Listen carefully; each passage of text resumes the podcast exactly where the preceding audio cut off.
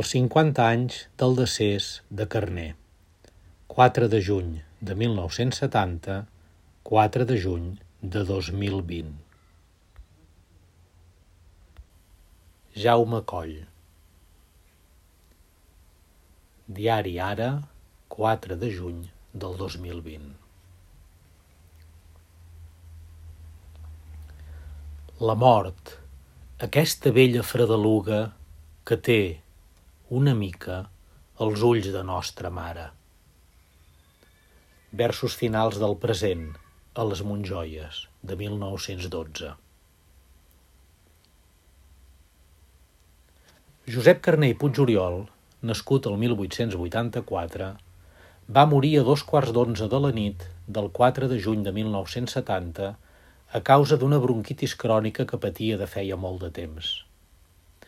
Tenia 86 anys i en feia 50 que vivia lluny de Catalunya, primer a causa d'un exili laboral, voluntari, esdevingut exili forçós a Mèxic i després a Bèlgica. Sempre havia afirmat que no volia tornar a Catalunya en vida de Franco. Ho va repetir encara a uns amics barcelonins el Nadal de 1964. A Brussel·les vivia a prop d'un gran parc. Carné no podia viure lluny dels arbres i dialogava, els interrogava, els interpel·lava. Voldria ta ciència, arbre per al meu cor, tu que en el temps geliu ets paciència i en dia ardent aboques un tresor. Una tarda de mitjan agost de 1965 va sortir a passejar, com cada dia, pel gran parc veí, però aquell dia no va tornar a l'hora acostumada va patir un episodi d'amnèsia total. És el terme que va fer servir sempre la seva muller, la professora Emily Nolé, mentre que la filla Anna Maria considerava que dir-ne amnèsia era una lítote. El cas és que no el van localitzar fins al cap de 30 hores, l'endemà a mitjanit, desorientat, exhaust.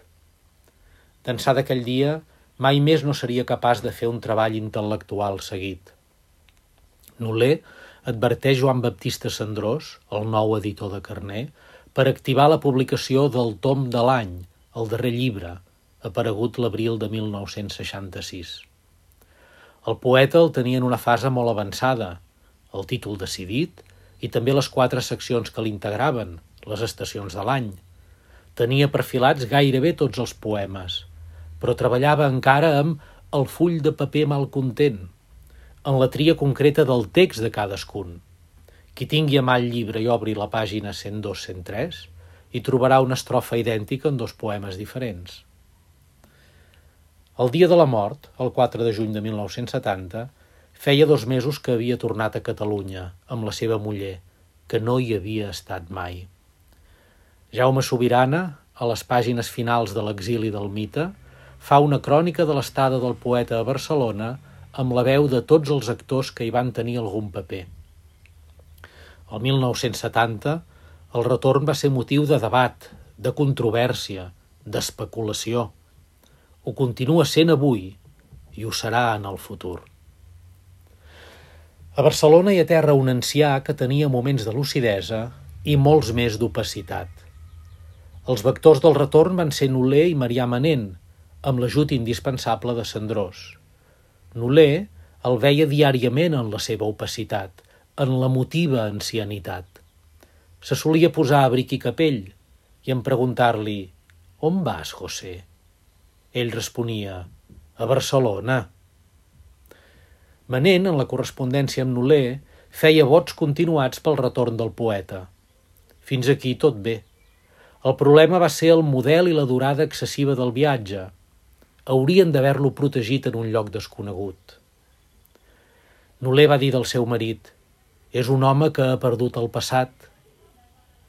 A aquest home li hauria convingut un viatge discret, secret, veure únicament els enemics íntims com Xavier Tosell i sense premsa, sense ràdios, retrobar el pi muntanyenc a l'hora de la posta i el faig montsenyenc quan treu la fulla – veure la cala gentil de Lloret o el blanc d'Espanya de Sitges, passejar en pau pels carrers, admirar la seva ciutat, la ginesta de Sant Pere Màrtir.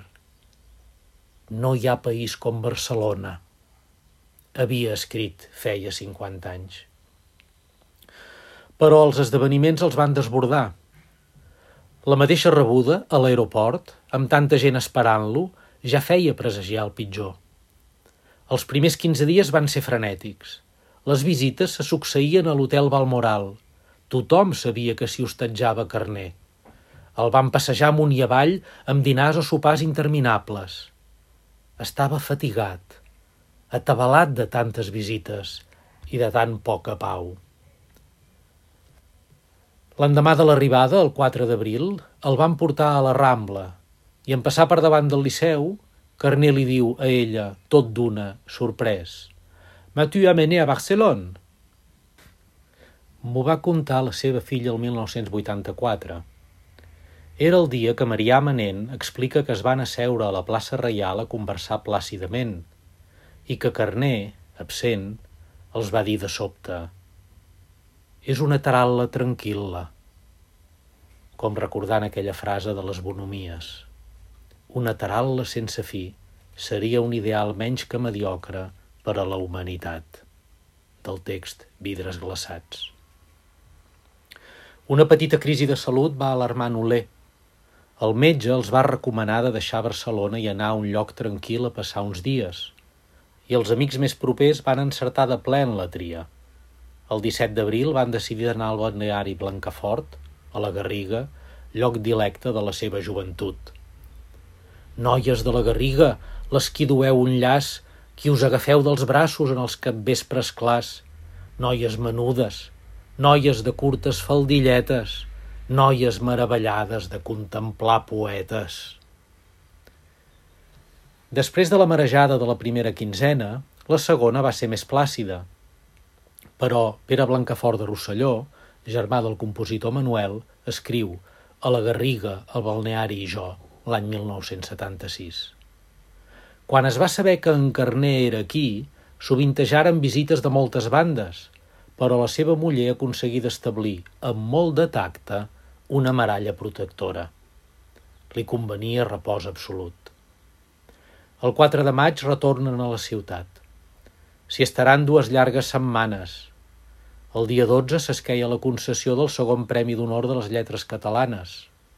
El primer l'havien atorgat a Jordi Rubió i Balaguer, nascut el 1888, insigne historiador de la nostra cultura escrita i de la seva generació, per ell llunyà del poeta. Es coneixien de petits i es van saludar a la vella seu de l'Institut d'Estudis Catalans – al Palau del Mases del carrer de Montcada, i n'hi ha un testimoni gràfic del 9 d'abril. Sobirana reporta el testimoni oral de Josep Maria Castellet, membre del jurat, segons el qual no se li va concedir no perquè no el mereixés, que això n'hi va entrar en discussió, sinó perquè era una persona que no estava en condicions de ser entrevistat. El segon any del Premi d'Honor prima una personalitat fortament política com la de Joan Oliver, d'esquerres. Molts anys després, Castellet em va confiar que havia votat per Carné i em va dir el nom dels dos companys que també el van votar, però em va dir que era un secret i el mantinc. La majoria del jurat va triar dur, es va decantar per l'activisme polític, pervertint el sentit del premi. Quatre membres del jurat del Premi d'Honor de 1970, un d'ells amb molts dubtes, no es van retre la meravellosa aventura poètica del príncep. La persona feble i silenciosa que havia aterrat a Barcelona, la seva ciutat, no els servia de res i van decidir ignorar-lo. La majoria del jurat va considerar que no, que Carner era un ancià malalt i amnèsic. El que calia no era qui no era, sinó qui era capaç, van fer córrer, de fer un espectacle a l'americana. A Joan Oliver, l'entranyable Pere IV, l'honora el fet que quan li van comunicar la decisió del jurat del premi exclamés «Que s'ha mort Carner!» M'ho va explicar ell mateix el 1981. Carner, en canvi, va fer veure que no en sabia res. Li va sobrevenir una crisi asmàtica severa i Noler va decidir tornar a Brussel·les el 21 de maig. A l'aeroport hi van anar sols. amb la sola companyia del matrimoni manent. Feia dues setmanes que havien retornat a Bèlgica i allí, a l'últim domicili, s'hi havien mudat de poc perquè amb el sou de jubilats no es podien permetre el lloguer de l'apartament d'Avenue Villers, allí, el número 64 de Rue Lincoln, potser amb el fugaç pensament d'haver pogut veure la mare endolada, la pàtria, encara no nada com l'hem somiada sus fills, el nostre gran Josep Carner va deixar d'existir avui fa 50 anys. La llum ve de l'altura, la fosca ve del cor. Tot clama i res no dura, tot calla i res no mor. De la cançó d'Esperança. Post-scriptum. Si algú individualment en aquests temps tan greus de pandèmia i de crisi sanitària viu a la regió de Barcelona i té ganes de pujar a Montjuïc a recordar algun vers del poeta davant de la seva tomba, que sàpiga que el cementiri està obert a les hores habituals i que les coordenades són F9. Sigueu prudents i si en feu fotos, pengeu-les a l'any carner.